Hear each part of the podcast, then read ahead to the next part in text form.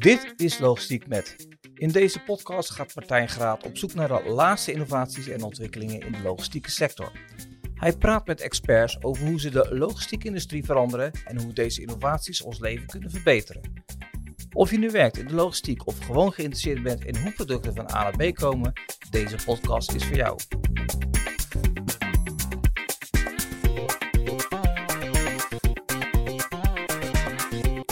Dit is Logistiek met Marie-José Baartmans. Marie-José is medeoprichter van Breitner, een zero-emission transportbedrijf. Marie-José vertelt over waarom ze samen met haar broer Jeroen Breitner is gestart. Verder praten Marie-José en ik over de stand van zaken van elektrisch transport in Nederland, de uitdagingen en de mogelijkheden die het biedt. En Marie-José vertelt meer over de Tesla-vrachtwagen die ze in 2017 als eerste in Nederland bestelde.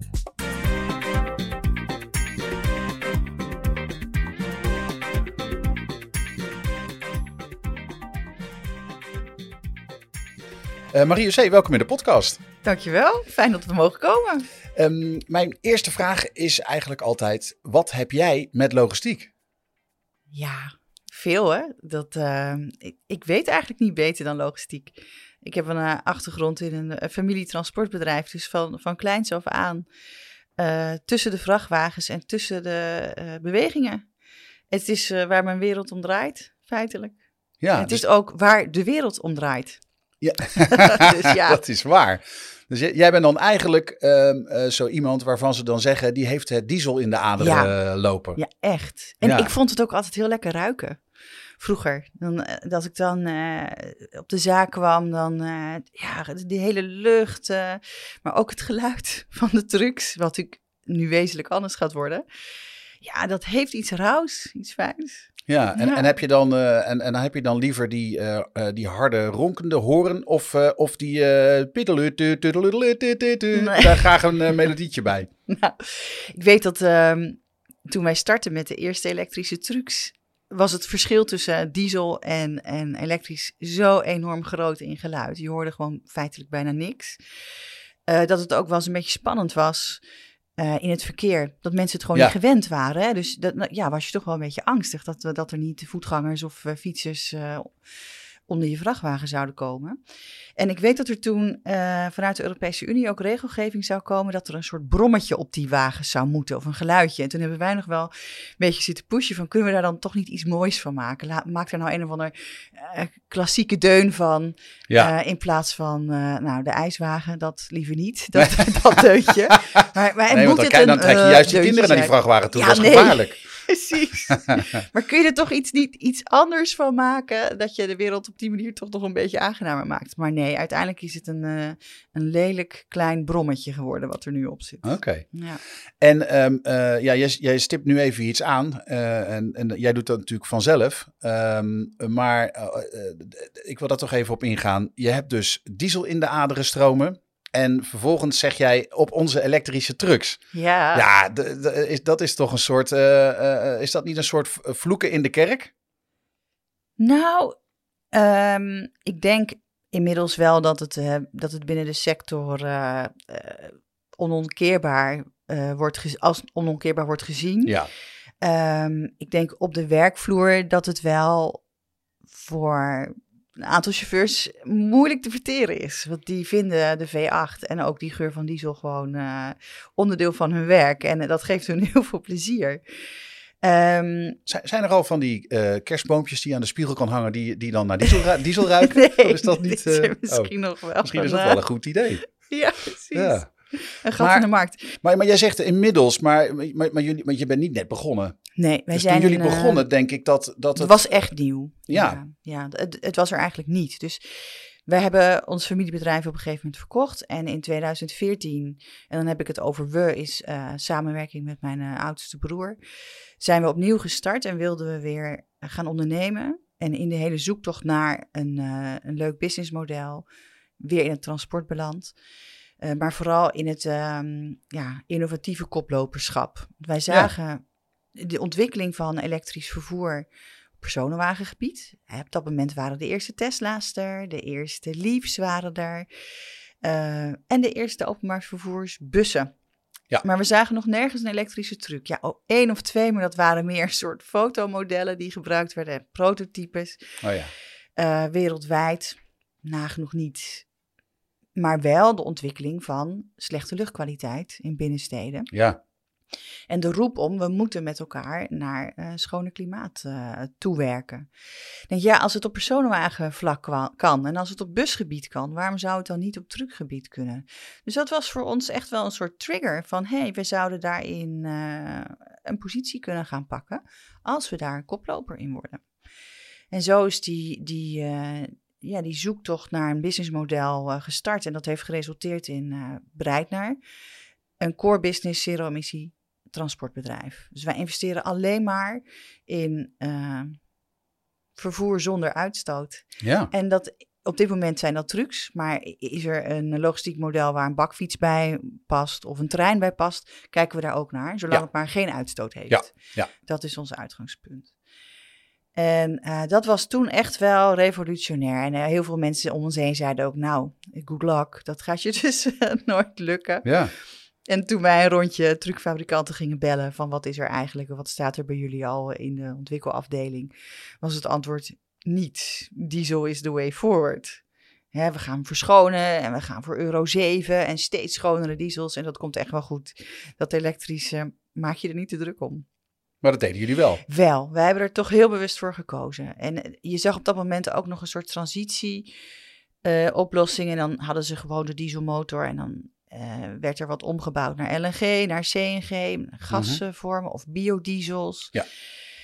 Eh, dat zou een mogelijke oplossing kunnen zijn. En op zich ook logisch, hè? want die truckfabrikanten die hebben eh, vanuit hun eigen brede natie veel te winnen met het eh, verkopen van diesel, dieselmotoren. Daar Maar zit ze zijn gewoon, compleet eh, ingericht. precies. En als je dan een Ja. vernieuwing hebt, dan hoef je maar een klein gedeelte van de productielijn Ja, eh, opnieuw, opnieuw in te richten. Ja. Maar er is toch wel een groot verschil, denk ik, tussen het bouwen van een elektrische truck en het bouwen van een dieseltruck. Juist, ja. Maar hoe hebben jullie dat dan aangepakt? Want de, de, de, er zijn elektrische bussen, er zijn elektrische Tesla's. Ja. Over Tesla gesproken, eh, die maken ook vrachtwagens. Ja, dus toen wij in, in 2014 eh, zijn gestart, hebben we in 2016 uiteindelijk de eerste vrachtwagens op de weg gekregen. Maar dat waren ombouwtrucks. En dat was niet, het waren geen trucks van een Scania of een Volvo of een DAF. Eh, ondanks dat we dat best graag wilden. Maar we zagen op dat moment Elon Musk. Ja, het is toch een bijzondere kerel wat dat er gaat. Met Ja, zeker. Enorm goede lange termijnvisie. In ieder geval in, eh, op dit vlak. Eh, over Twitter kun je natuurlijk uh, je bedenking Ja, hebben. hele, of daar kunnen we een hele podcastaflevering Ja. aan besteden. Ja. Ehm, maar eh, op het gebied van eh, eh, mobiliteit heeft hij dat heel goed gezien. En heeft hij een, eh, zij heeft een prototype uitgerold in 2017. En die was bedoeld voor de Amerikaanse markt. Mhm. Dat ontwikkelteam, daar zat een eh, voormalige, ja, wat was hij, directeur vanuit een Europese truckfabrikant. Mhm. En die, wa- die leidde dat team. En wij waren achter zijn naam en e-mailadres gekomen. En we hebben hem een mail gestuurd. Van joh, wij zijn super blij dat jullie komen met een truc. A, jullie zouden de eerste zijn in Europa die komt met een truc. B, het is eh, met de investering die jullie nu roepen, is het meteen concurrerend met dieseltrucks. Dus we zouden heel snel kunnen gaan verschonen in, eh, in Europa. En dat is heel wenselijk. Als je kijkt naar de dichtheid van grote steden in Europa en de daarbij bekomen, eh, behorende luchtkwaliteitsproblemen. Hoe eerder we dat hebben opgelost, hoe beter. En ik had hem toen eh, wat foto's meegestuurd van de trucs die wij nu al hadden rijden. En hij was eigenlijk zo enthousiast. Hij zei, ja, ik mag eigenlijk helemaal geen truc verkopen aan de Europese markt. Maar ik vind dit zo leuk en het is zo'n bijzonder verhaal. Eh, ik ga er een voor jullie in orde zetten, als jullie dat graag willen. Nou, dat wilden wij heel graag. En toen zei hij van, nou, misschien moet je denken aan 2019. Dan zal die ongeveer naar Europa komen. Nou, wij dachten toen, dat is prima. Ja. Dat komt echt wel goed. Want alle truckfabrikanten in Europa hadden nog helemaal geen eh, trucks eh, op de rol staan voor 2019. Dus dan zouden ze alsnog een van de eerste zijn. En wij dus ook weer als een van de eerste. Ehm, nou, eh, toen kwam Tesla met Model 3 om de hoek. En daar hebben ze zoveel problemen mee gehad. Production horror noemden ze dat, geloof ik. ja. En dat heeft er eigenlijk voor gezorgd dat het hele ontwikkelteam van die trucks is ontmanteld en die jongens zijn allemaal, en die meisjes, zijn allemaal op uh, het Ja. model 3 gezet. Ja, de brand moest eerst geblust worden. Juist. dus eh, ze moesten eerst een paar honderdduizend eh personenwagens uitleveren. En je hebt gezien dat over de afgelopen jaren is dat ehm, redelijk op de rit gekomen. En eh, zijn ze nu weer die Tesla eh, Semi aan het eh, oppakken, de Hij, ontwikkeling. hij werd in Amerika, Hij is vorige, vorige, maand, eh, vorige maand was dat geloof ik. Ja. Eh, kreeg Pepsi de eerste wagens Ja. rondrijden. Dat is wel echt een, een ehm, eh, ik bedoel, ja, op, op vrachtwagengebied en cola heeft iedereen het altijd over de Coca-Cola truc. Maar ik denk dat, eh, ja, wat mij betreft in ieder geval, eh, Pepsi hier een prachtige Ja. slag eh, geslagen heeft. En die Pepsi-truc met een Tesla-trekker al vele malen gaver is dan, dan, die, dan die rode oude diesel van, ja, van. Coca-Cola. Ja, en die hebben daar natuurlijk handig op ingespeeld door, door ook al heel vroeg, ook in 2017, die orders te plaatsen. En Tesla doet het natuurlijk weer handig om, om een grote naam erbij te pakken. Die hoorden van, eh Ja. potverdorie, die Bruin in Rotterdam, die hebben er alleen besteld. Wij moeten mee in nu die moeten eh, wij die ook als. Pepsi. Ja. Ja. zo gaat dat dan, hè? Ja. nee, nee, zo werkt het niet. Maar je ziet wel dat ehm, het werkt als voorbeeldfunctie. Dus als een Pepsi het doet, dan volgt op een gegeven moment AB InBev ook. En dan gaat Unilever ook, want ze willen toch niet achterblijven. Ja. En dat, eh, dat eh, domino-effect heb je wel nodig. eh. Nou, die bedrijven staan ook steeds meer onder druk natuurlijk. Ja. Van, ook vanuit de consumenten. En dan, je noemt nu natuurlijk een aantal consumentenmerken. Maar die consumenten eh, leggen steeds meer nadruk op, op duurzaamheid. Dus, Ja. dus die bedrijven die moeten wel. En een van, de, een van de grote vervuilende onderdelen waar ze niet onderuit komen. ja, eh, althans tot ze die elektrische trucks gaan gebruiken. Is hun, is hun supply chain en hun vervoer. zeker. Dat, dat, dat gaat nou eenmaal met trucks en met schepen en met... eh, Maar als je kijkt naar eh, de keuzes van grote bedrijven, dan is het verduurzamen van de logistiek minder sexy, omdat ze er weinig mee naar kunnen, eh, mee naar consumenten toe kunnen. Ja. Kijk, een Unilever gaat niet op zijn eh shampooflesje of op zijn iced tea zetten met een schone vrachtwagen vervoerd. Ja, dat nee, doet niet zoveel. Nee. Dus ze kiezen dan eerder voor milieuvriendelijkere verpakkingen of producten, product zelf te verduurzamen. Ja. Dus het is slecht te vermarkten eigenlijk, zero-emissietransport. Dus Ja. het, het gebeurt omdat ze ehm, het zij vanuit hun board en shareholders worden gedwongen om daar stappen in te zetten. Het zij dat ze door regelgeving eh, eh, worden gedwongen. Ofwel dat er voldoende innovatiebudget is om, om het te betalen. Want de verduurzaming van logistiek is op dit moment nog altijd wel veel, vele malen duurder dan traditioneel vervoer. Ehm, dus het zijn wel overwogen keuzes. Het is niet een inkoppertje. Nee, dus en ik kan, kan me ook voorstellen dat, dat jullie daarmee voor jullie zelf een, een, eh, wel een lastige markt hebben gecreëerd. Door, eh, door eigenlijk een vervoersmodaliteit op te zetten. Die eh, ten opzichte van de concurrenten, die allemaal met ronkende diesels rijden. ja, eigenlijk op het moment dat de chauffeur in de auto stapt, ben je al eigenlijk duurder. Zeker. Dus de investeringen in die voertuigen is ongeveer drie tot vier keer de investering van een diesel. Dat resulteert in anderhalf keer eh, duurdere transportkosten, minimaal. Eh, een beetje afhankelijk van het eh, logistiek profiel, hè, van wat voor routes je rijdt in afstanden. Ehm, en als het niet moet, dus het is niet verplicht bij wet, dan zijn er toch maar weinig partijen die genegen zijn om het te doen vanuit hun eigen intrinsieke motivatie. En, eh, hoe, hoe zit dat in, in Nederland? Want we hebben hier in Rotterdam eh, eh, hebben we een tijd eh, de, de milieuzones gehad. En die, die gingen erin. En toen kon je met bepaalde vrachtwagens niet erin. En, en nu weer wel. En, dus hoe, hoe, hoe, hoe, hoe, hoe zitten we in Nederland? Ehm, nou, ik vind eigenlijk dat we niet zo sterk zitten in Nederland ten opzichte van eh, andere Europese landen. We hebben gekozen, typisch Nederland, voor een poldermodelletje. Poldermodel, ja. Dus, eh, iedereen moet daar zijn plasje over doen. Eh, alle werkgeversorganisaties, eh, de organisatie waar de truckfabrikanten in vertegenwoordigd zijn, de verladers, de onze eindklanten, Mhm. zeg maar. En dan zelf onze eigen brancheorganisatie. En die heeft een branche te vertegenwoordigen waarin behoorlijk wat conservatisme zit. Ja, Ehm, die willen ook graag hun leden netjes vertegenwoordigen. Dus nou, laat ik het zo zeggen. als ze het kunnen temperen, dan wordt dat aan alle kanten geprobeerd om dat te temperen. Ja. Dus wat is er uitgekomen? Er is uiteindelijk gekozen voor een harmonisatiebeleid. Uh, steden gaan als eerste iets doen aan vuile vrachtwagens. Mhm. Vanaf 2025 worden er in een aantal steden milieuzones geïntroduceerd. Maar een stad mag zelf beslissen hoe groot of hoe klein die milieuzone is. Oh. Dus een beetje afhankelijk van de politieke kleur. Heb je nou een, uh, ja, een Forum PVV uh, gemeentebestuur zitten? Nou, dan wordt die milieuzone misschien één straatje. Ja. Heb je een GroenLinks uh, D66 SP kleur, dan wordt het misschien wel zo groot als de hele stad. Ja. Ja. En dat is jammer, want dat wordt eigenlijk niet uh, aangestuurd vanuit uh, Den Haag. Je zou ook kunnen zeggen van nou, je baseert dat op basis van hoe vuil je, je stad is, hè, effectief. Je kunt Ja. dat natuurlijk meten. Rotterdam is echt het vieste jongetje van heel Nederland. Maak die zone zo groot mogelijk. Ja. Gelukkig gebeurt dat ook in Rotterdam. Dus voor Rotterdam ben ik uh, redelijk enthousiast.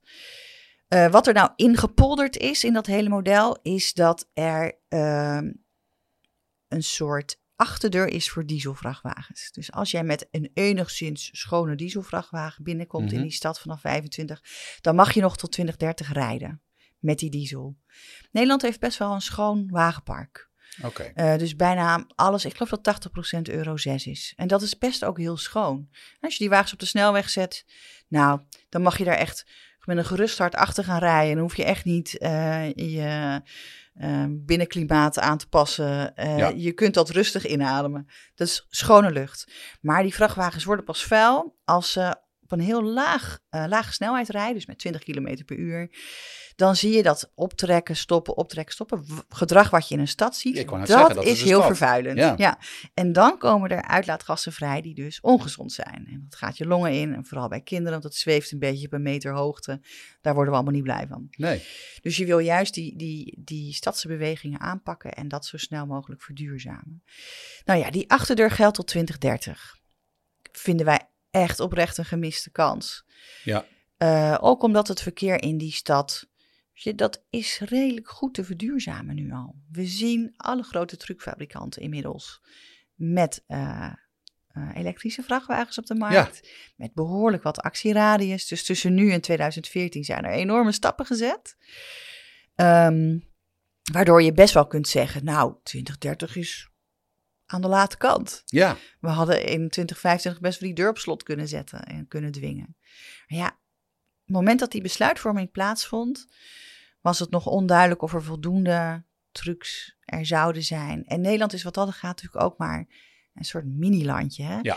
Truckfabrikanten kijken naar wereldproductie, kijken naar Europese afspraken. En die gaan echt niet uh, acteren op wat Nederland heeft verzonnen aan regeltjes. Nee, dat verbaasde me ook van toen, toen jullie begonnen. Dat, uh, dat jullie wilden graag elektrische uh, Ja. trucks. En dat het eigenlijk, het was niet eens mogelijk om een truck te kopen zonder motor erin. Nee. Uh, en, en hem dan om te bouwen naar iets elektrisch. Je zou kunnen zeggen, joh, laat die, laat die motor er maar uit. Want dat scheelt, uh, ja, dat scheelt ook gewoon weer energie. Dus ook, dat is ook duurzamer. Ja. Dat kon niet. Nee. Dus jullie hebben uh, dieselvrachtwagens moeten kopen. ja. En, en die vervolgens moeten ombouwen naar, laten ombouwen naar elektrisch. ja. Dus dat is ook als je... Kapitaalvernietiging, hè? ja, het is ook precies. eh, Het is, het is echt gewoon zo zonde. ja. Ja. En dat hebben we gedaan tot vorig jaar nog, hè? Want pas dit jaar komen de eerste trucks van uh, truckfabrikanten op de markt. Dus, dus zeg maar, ja, alle trucks die vanaf 2016 op de markt bij ons, door ons op de weg zijn gezet, zijn van die ombouwtrucs. Ja. Ja, vind ik ook echt uh, zonde. Maar goed, zo is het gelopen. En uh, um, het heeft er wel voor gezorgd uh, dat we wagens op de weg hebben gekregen en ja. Breitner hebben kunnen starten.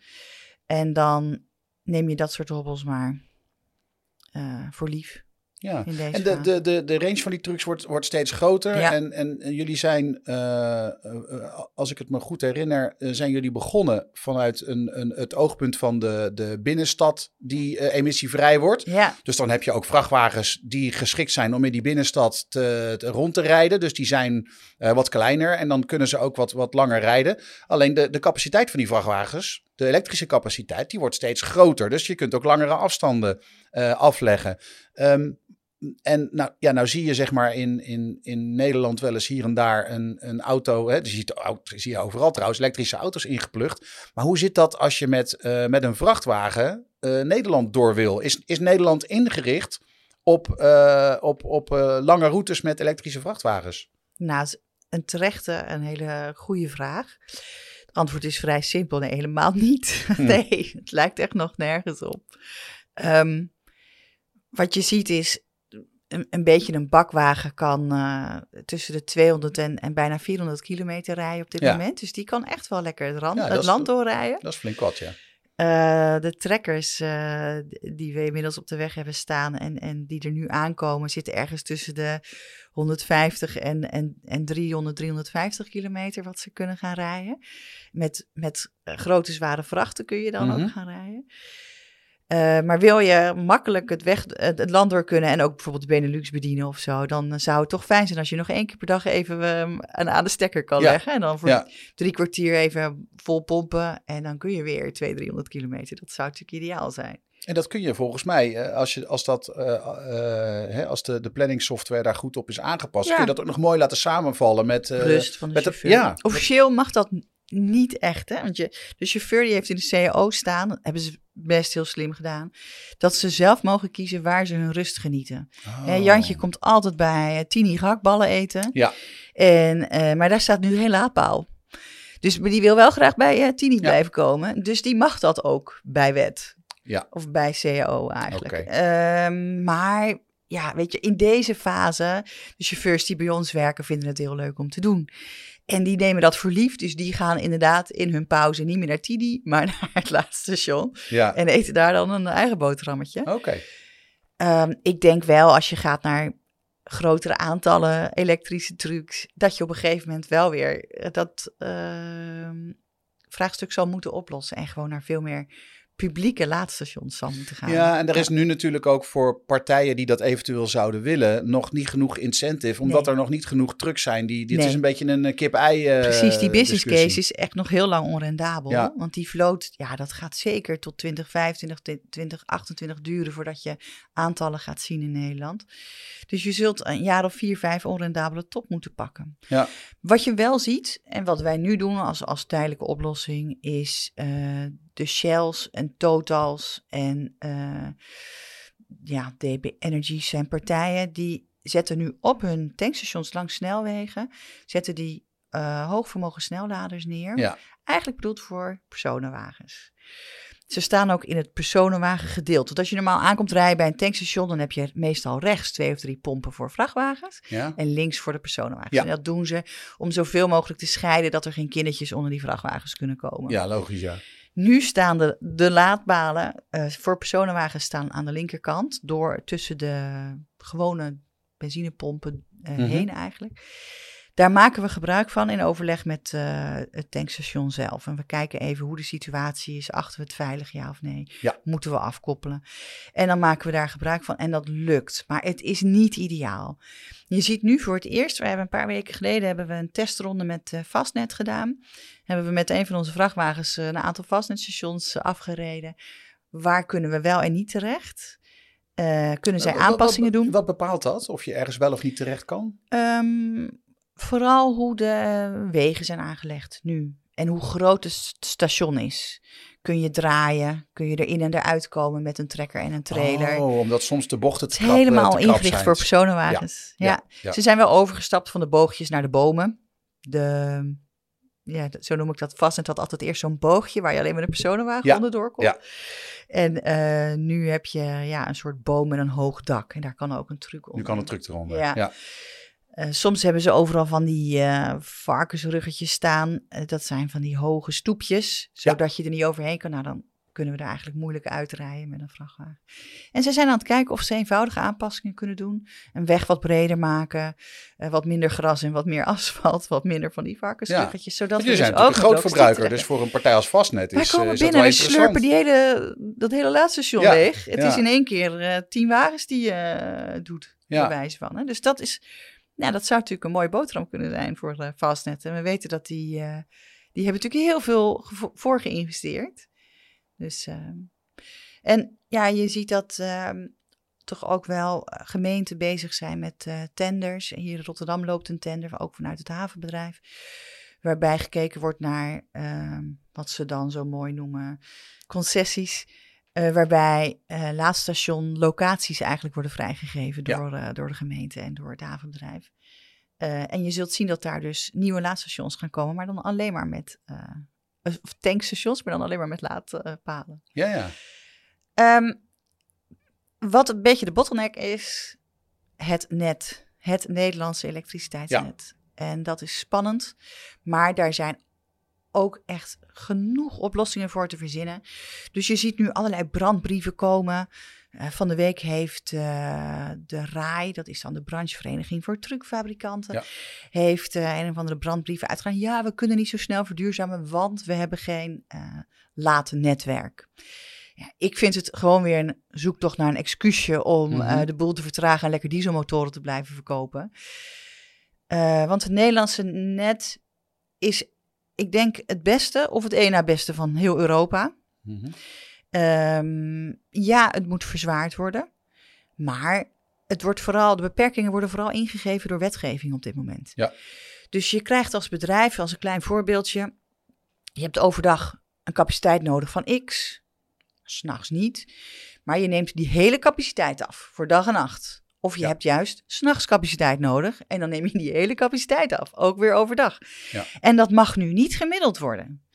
Als dat kan, en dat, dat lijkt wel te gaan gebeuren, want er wordt heel druk gewerkt aan nieuwe energiewetgeving, waarin dus dat net proactiever kan gaan reageren en ook de netbeheerders uh, vooraf mogen gaan investeren in verzwaring van dat net, wat nu ook niet mag dan zal je zien dat er met balancing ontzettend veel kan gebeuren. En dan kunnen ook die laadpunten makkelijker uit de grond schieten. Want dan heb je geen extreme verzwaring nodig. Ja. Dan kun je misschien gebruik maken op industrieterreinen van ondercapaciteit van bedrijven die, die, daar, die dat nodig hebben. Kijk, s'nachts zul je niet zo snel een truckvloot bij een tankstation heel de nacht zien laden. Die hebben toch op hun eigen depot ja. voor s'nachts ofwel AC-palen ofwel DC-palen, waar ze dan uh, op wat lagere vermogens over 7, 8 uur kunnen chargen. Ja, want dat is natuurlijk het nadeel, want je denkt dan, nou, dat is mooi, we rijden op stroom, dus ha, Ja. zonne-energie. Ja. Alleen het vervelende is dat op het moment dat de zon eh, het, Ja. het hardste schijnt, dat al die, dan, dan zijn je wagens niet thuis. Ja, Dus je kunt ze daar niet, eh, niet opladen. nee. Maar ook daar, en dat vind ik zo mooi aan Nederland, eh, we hebben zoveel mooie eh, innovatieve bedrijven. eh, dat ik denk dat we dat echt makkelijk kunnen tackelen. Er wordt al veel gedaan en geëxperimenteerd met batterijen die daarin eh, dat balanceren kunnen doen. Ehm, misschien gaat waterstof door de tijd daar nog een rol in spelen, ja of nee. En eh, je kunt best de zonne-energie die je overdag hebt eh, opgeslagen, eh, het zij terugleveren aan het net en s'nachts weer Ja. eraf halen, op, op die manier ermee spelen. Je kunt het opslaan in je eigen batterij, je kunt het leveren aan de buurman en eh, daar wat aan verdienen en daarmee s'nachts toch maar weer van het net afhalen. Ja. Er zijn honderdduizend manieren om daarmee om te gaan en ik ben ervan overtuigd dat we dat als Nederland opgelost gaan krijgen. Ehm, dus ik ben daar veel minder bang voor dan ja, hoe daar nu mee omgegaan wordt. Maar je hebt dus wel vanuit de overheid die flexibiliteit in die eh, energiewetgeving nodig. Dat is wel een stap die ze moeten zetten. En daar wordt hard aan gewerkt. Eh, binnen de sector zelf is er zoiets opgericht als de NAL. Dat is een, ja, een, eh, een programmalijn vanuit het ministerie. Die is aan het inventariseren in de logistieke sector. Wie heeft nou eigenlijk welke vraag en wanneer? En in welke gebieden liggen nou die sweet spots? Eh, Je hebt natuurlijk een aantal logistieke draaischijven in Nederland. Venlo, eh, eh, er ligt een eh, enorme grote druk in, eh, rondom Blijswijk. Daar zit heel veel supermarktlogistiek. Oh ja, ja. Eh, alle grote merken hebben daar wel warehouses. Daar kun je dus heel veel trucs gaan verwachten. En dus ook een grote ja. energievraag. Het Westland zal er ook wel bij horen. Het Westland, daar gaat ontzettend veel eh, Ja. bewegingen zijn daar. Nou, en als je dat combineert met dan de vraag vanuit de industrie, die ook moet gaan verduurzamen, kun je eigenlijk best wel snel in kaart brengen waar nou wat verzwaard moet worden en hoe je dat nou met elkaar kunt gaan combineren. Ehm, ik ben daar best wel enthousiast over. NAL, Nationale Agenda Laadinfrastructuur. Die hebben ook mitigerende oplossingen al die ze aanreiken. Die adviseren nu al transportbedrijven en de hele sector van... joh, misschien ben je er nu nog niet toe, toe in staat, maar ga alvast inventariseren. Wat betekent het voor jouw bedrijf over nu en vijf jaar? En misschien moet je dus nu wel de aanvraag doen, zodat je over vijf jaar gesteld staat. Ja. Ehm, Dus ja, daar ben ik wel enthousiast over. Ik zie uh, goede ontwikkelingen. Maar het gaat nog wel langzaam. Want per saldo, er staan geloof ik 340 elektrische voertuigen op Nederlands kenteken, vrachtwagens. Vrachtwagens. Um, daarvan zijn er denk ik uh, 140 naar het buitenland gegaan. Ah. Dus als er 200 in Nederland rijdt, veel. Ja, dat is weinig. En dan um, is het merendeel nog uh, in de busjessfeer. Ja. Iets zwaarder busje. En ja, dus echt goede vrachtwagens en trekkers. Joh, als het er 50 zijn, is het veel. Ja. Ja, en dan kan ik me nog voorstellen dat er ook nogal ondernemingen zijn die, uh, die zo'n ding eigenlijk meer voor de, voor Show. de, voor de, voor de show hebben dan, uh, ja. ja. dan, uh, dan omdat hij echt uh, duurzamer is. Dus nou, ik hoor wel, wel een aantal, ik hoor toch echt wel een aantal uitdagingen. En, en jullie moeten concurreren met bedrijven die dat goed, die, die operationeel gezien goedkoper zijn. Zijn, er, um, zijn daar nog andere, ja, zijn daar nog andere dingen die jullie anders doen dan de traditionele transportbedrijven om daar, het, ja, om daar tegenaan te kunnen? Ja, ik denk dat wij hebben. En dat is een beetje organisch gegaan eigenlijk. Dat was niet echt een bewuste keuze. Toen Jeroen en ik zijn gestart, hebben we, um, zijn we tegen een partner aangelopen. Een uh, eigenaar van een aantal traditionele transportbedrijven hier in de regio. Ja. En voordat we het wisten, hebben we eigenlijk met z'n drie het bedrijf Breitner gestart. En um, wij vanuit Breitner kijken we heel erg naar het elektrische concept of het zero-emissie-concept. Ja. De laadstrategie die erbij hoort, uh, welke technieken, technologieën horen daar dan bij, welk equipment. Dan maken we een totaalconcept. Dat gaan we implementeren. En op het moment dat onze wagens rijden en in de operatie zijn, dragen we het eigenlijk over naar de operatie van in dit geval dan Vlot, onze compagnon. Die zorgt ook dat de truc, uh, trucs bemenst zijn. Mm -hmm. En die focust zich dan gewoon op de dagelijkse operatie, waar eigenlijk, als het goed is, waar ze dan relatief weinig omkijken naar hebben. Ja. Door dat te scheiden van elkaar, zorg je ervoor dat Breitner zich volledig kan focussen op zero-emissie-transport. Op uh, alle kennis eromheen, maar ook alle te verwachten regelgeving. Uh, proberen wat te lobbyen in Den Haag. Ja. Zorgen dat je veel contacten houdt met alle kennisinstellingen, dus universiteiten, uh, de TNO's van, uh, van Nederland. Dat, dat hele speelveld, om dat goed te beheersen, kost ontzettend veel tijd. En eigenlijk kunnen wij ons daar helemaal op focussen. We volgen wel nog steeds de dagelijkse operatie op, maar wel met een zijdelings oog, zullen we maar Mhm. zeggen. Uh, en die kennis die je kunt genereren doordat je zo bezig bent met uh, puur alleen ontwikkeling van zero-emissie-transport, betaalt zich eigenlijk terug doordat we dat delen met onze klanten. En zij kunnen op het juiste moment strategische keuzes maken. Doordat we een voorsprong hebben. Als je dat als traditioneel transportbedrijf alleen doet, heb je daar eigenlijk de mankracht niet voor. Nee. Maar wij hebben ook niet de mankracht ervoor om zelf heel die operatie te draaien. Want dan word je vaak opgeslokt in de dagdagelijkse Ja. beslommeringen. Hebben we genoeg chauffeurs? Wie doet welke ritten? Eh, en die, los, die, die koppeling, eh, of eigenlijk ja, die eh, eh, structuur zorgt ervoor dat we heel veel vrijheid hebben als, eh als Breitner om eh, met van alles en nog wat te kunnen experimenteren. Want naast zero-emissie dagelijks transport doen we ook mee in allerlei testen. We hebben met een waterstoftruc getest. We hebben bij truckfabrikanten achter de schermen hun prototypes mogen testen. Eh, omdat zij ook heel benieuwd waren naar onze ervaringen. Mhm. Ja, daar leer je superveel van. En dan krijg je ook weer, je krijgt een kijk- kijkje in de keuken. Dus je weet welke partij er als eerste gaat komen. Je weet ook een beetje op welk paard je moet gaan wedden. Ja. Nou, dat heeft ook weer geleid, eh, doordat we ons wat meer in het zwaardere segment gingen begeven, in een samenwerking met een vergelijkbare traditionele vervoerder, H&M Post en Zonen, is ook een familiebedrijf. Vlot Ja. is overigens ook een familiebedrijf. Dus we hebben heel veel gedeelde waarden, wat dat er gaat. Ehm, dat we onder Breitner met H&M Post een joint venture zijn gestart. Dus daar zit eh, H&M Post voor de helft in en Breitner zit daar voor de helft in. En daar doen we het voornamelijk het zware transport in met 50 ton trekkers. H&M Post is een eh, bedrijf met meer dan 190 eh, vrachtwagens, allemaal dieseltrekkers. Eh, met heel veel kennis van bouwlogistiek en containertransport. Wij hadden zelf wat minder kennis van stenen vervoer. Dat doen zij eh, heel veel. Mhm. En dat is dan weer zo'n mooie synergie en samenwerking komt daar tot stand. En je ziet gewoon chemie en er bloeit iets. Ja, Er zit natuurlijk een downside aan, want je eh, deelt je marge. Hè, dat is en zeker eh, best wel spannend, want als start-up eh, heb je, kun je eigenlijk alle marge gebruiken ja. die je naar je toe wil, wil eh, kunt halen. Maar het zorgt ervoor dat je een hele brede basis hebt. Je kunt terugvallen op hun operationele expertise. Eh, je, hebt, je hoeft jezelf weinig te zo- zorgen te maken om de sourcing van goede mensen.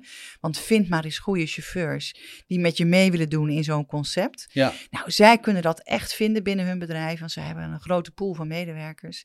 En zij sele- selecteren daar natuurlijk de jongens uit die, die dat ook leuk vinden en die daarin mee willen doen en niet bang zijn. Hè? Want Ja, maar is dat echt is echt iets nieuws. anders, hè? Ja, want je, kunt iemand die, eh, die de, de, hè, want je kunt in, een, in een dieseltruck, je kunt op heel veel met verschillende manieren in je auto rijden. En ik, ik merk zelf al, eh, de- hè, als, je, als, je, als, je, als je altijd maar, als je veel te hard rijdt, ja, Ja. dan verbruik je gewoon meer benzine. Ja. Dus dat geldt in zo'n truck ook. Dus je kunt daar heel efficiënt mee rijden en, ja, en je kunt gewoon nergens op letten en overal maar het gaspedaal induwen. Tot aan die limiet die je natuurlijk hebt in, in, in Nederland. Maar Ehm, dat ligt in een elektrische truck heel anders. Dus iemand die heel goed is in het besturen van een, eh, in het bereiden van, efficiënt bereiden van een dieseltruck. Als je die de sleuteltjes geeft van een elektrische truck, dan, be- dan begint die, als ik het, niet, als ik het eh, goed heb, begint die eigenlijk weer opnieuw.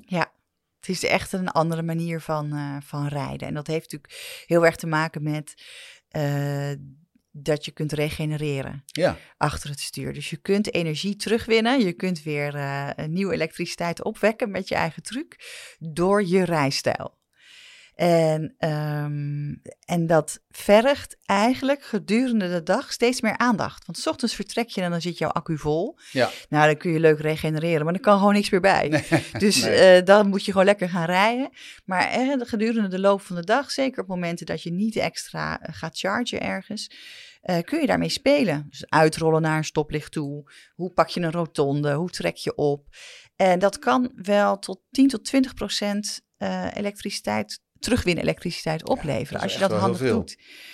En dat verschil, en die 10, 20 procent, maakt of breekt dus feitelijk ook je business case. Ja. Dus de invloed van de chauffeur, ja, daarom zijn we ook ontzettend aardig tegen ze. Want ja, dat, wat je bij dieseltruck ziet, is dat dat in de loop der jaren dat er helemaal uitgesleuteld is. Die Ja. techniek is zo verfijnd. Nou, of je nou eh, een topchauffeur bent of niet, verschil is misschien 2%. Ja. Het is altijd fijn als, als je dan natuurlijk aan de goede kant zit.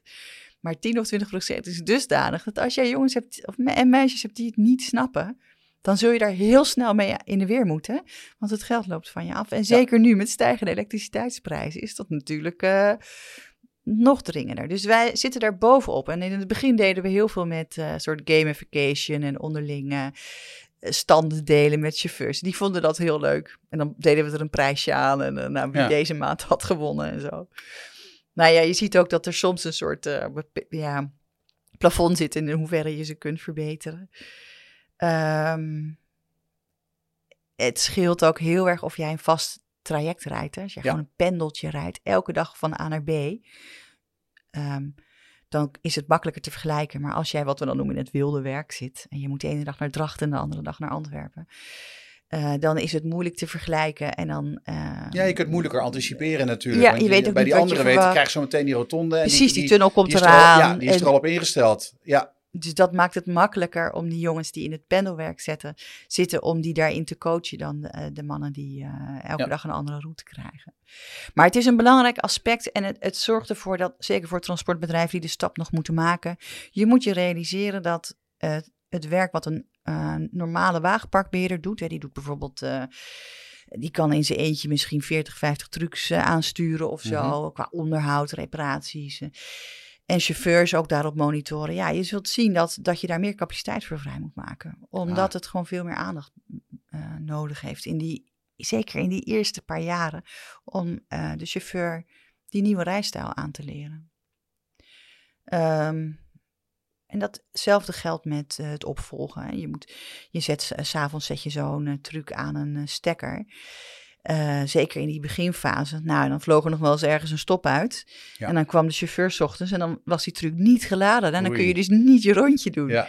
Hè, dus daar zit ook veel meer controle op. En inmiddels begint dat nu ook wel een beetje te komen vanuit de truckfabrikanten zelf. En die dat gaan monitoren.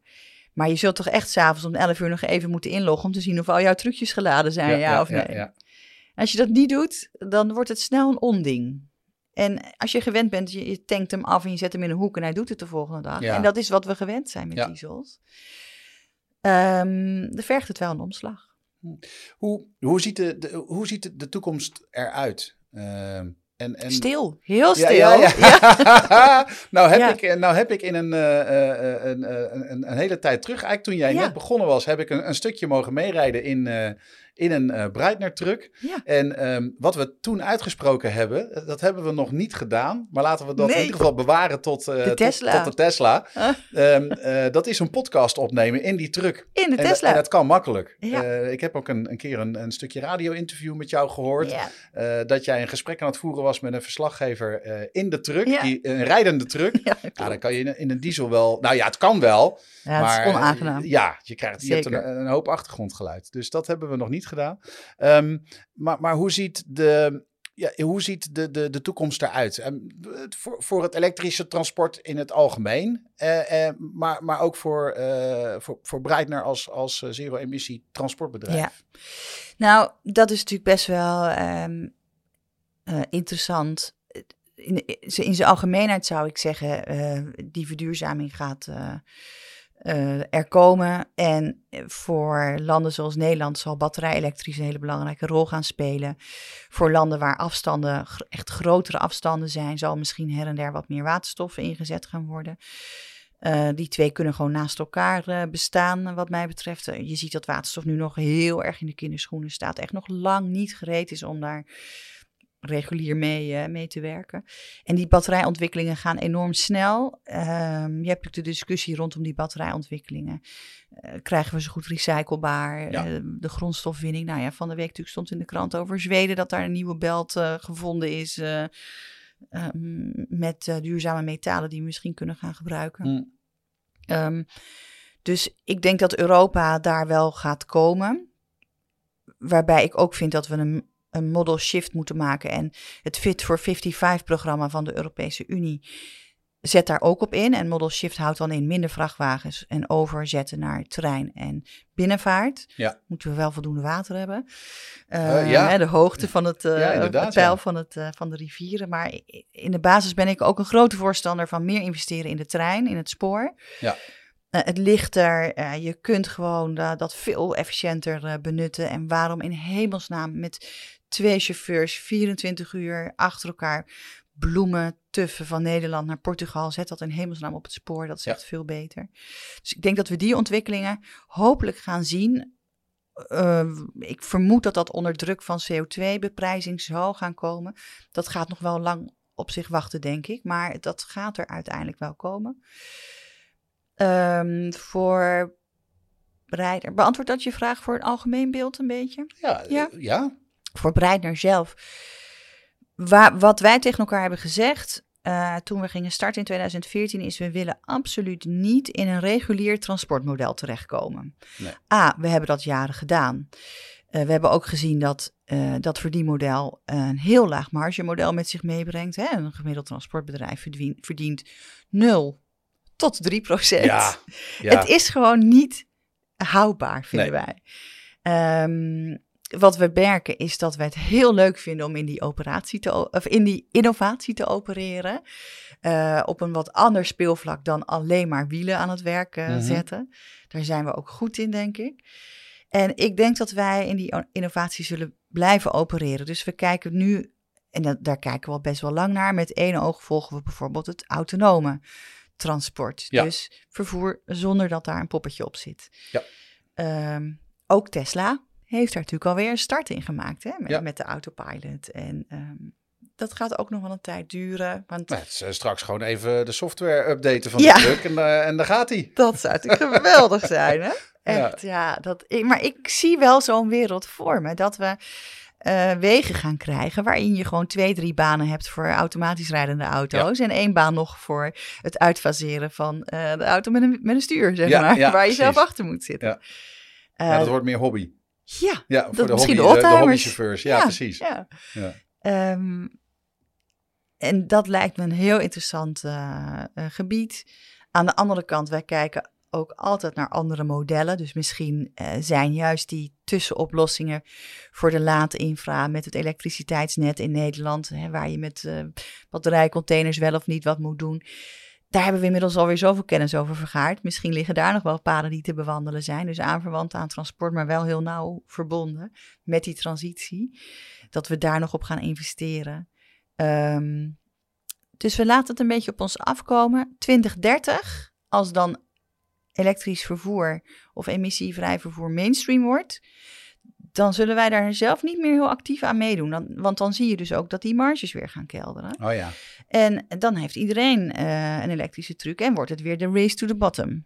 En dat willen we niet. Dat- Nee, daar nee hebben we kan ik geen me zin in. voorstellen. Het, het is zonde Dus, dat, eh, dat, dat, eh, ja, dat de transport, de, de logistieke sector daarmee Ja. geconfronteerd blijft worden. Ja, dat is echt dat daar. En je moet daar heel erg voor op je hoede zijn, heel alert in zijn. Eh, dus wij proberen eigenlijk continu te kijken naar nieuwe businessmodellen. Eh, we hebben daar ook al wel wat mee eh, geëxperimenteerd. Uh, we hebben mee kunnen kijken met onze compagnon Vlot. Die heeft bijvoorbeeld een mobiele fast charger ontwikkeld. Dus dat is een laadpaal die in een open container staat met een batterijcontainer. En daar waar we bijvoorbeeld met nieuwe klanten starten en die geen aansluiting kunnen Ja. krijgen, kunnen we die daarheen plaatsen. En het zijn allemaal oplossingen om die transitie aan het rollen te krijgen. En dat zijn ook wel hele leuke dingen. Dus daar kijken we ook naar. Ehm, het belangrijkste voor ons is, en dat is, ook dat is weer een beetje vreemde eend in de bijt. Hè, dus wij kiezen voor die samenwerkingen. Maar wij kiezen ook heel bewust voor, hebben we er plezier in? Ah. En als we het niet meer leuk vinden, dan stoppen we ermee. Gaan we weer wat anders doen. ja. Het is natuurlijk een enorme luxe positie. Ja. Maar we kiezen daar bewust voor. We kiezen dus ook voor eh, minder marge doordat we delen met andere partijen. Ja. Maar we hebben we er plezier in? Ontzettend veel. Ja, nou, ik, En ik dat geloof ook wel dat dat een sleutel, echt- dat dat een sleutel tot het succes is. Ja, dat is echt eh, eh, elke dag weer met, met zoveel zin en energie hiermee bezig. Ehm, en er komen vanzelf weer nieuwe dingen op ons pad. Dus ik, ik durf ge- eigenlijk geen uitspraken te doen waar we zullen staan eh, over eh, tien jaar. I don't know. Nou, het mooi. is een soort continue reis. Ja, maar dan ligt de wereld nog open. Ja, en dat is ook heel leuk. Dat, eh, dat, je, dat je jezelf die vrijheid gunt om, ja, van nou, dat wel of dat niet. Of wie weet ben ik over tien jaar wel weer in loondienst of zo. Who knows? Nou, Ja, ik kan het me eigenlijk niet voorstellen. nee, maar, ik, ik, ik ook niet. maar misschien wel een hele andere branche. Ja, ik, eh, eh, ik blijf in ieder geval met net zoveel plezier als, eh, als, als jij en Jeroen bezig zijn om, om transport in, in Nederland en de rest van Europa verder te verduurzamen. Met zoveel plezier blijf ik eh, jullie volgen. Eh, want eh, ja, ik vind het eh, gaaf waar jullie mee bezig zijn. Ehm dankjewel dat je je, je verhaal wilde vertellen. En, en vooral ook wat meer wilde uitleggen over, over hoe het ervoor staat in, in Nederland als het gaat om het elektrische vrachtvervoer. Dankjewel Marie C. Heel graag gedaan. En eh, je bent van harte welkom om eh, in de nieuwe Volvo eh, een rondje te komen meerijden. Dat is toch weer wat anders dan onze ombouwtrucs. Daar gaan we binnenkort mee starten. Ja, en zodra ik ook maar iets hoor over de Tesla, dan laat ik het jullie weten. Leuk. ja, Dank je. beste. Hi. Deze aflevering is mogelijk gemaakt door Brightner Zero Emission Transport. Voor meer informatie over Zero Emission distributie, bouwtransport en andere concepten, kijk op www.breitner.com. Dat is B-R-E Griekse I T N E R.com. Logistiek Met is een productie van Klets.media en Logistics Matter. De podcast is geproduceerd door Dimitri Vleugel en de muziek is van Galaxy Productions. Wil je ook te gast zijn in een aflevering van Logistiek Met? Stuur dan een e-mail naar logistiekmet@logisticsmatter.com. Voor meer innovaties in logistiek kun je terecht op www.logistiekmet.nl.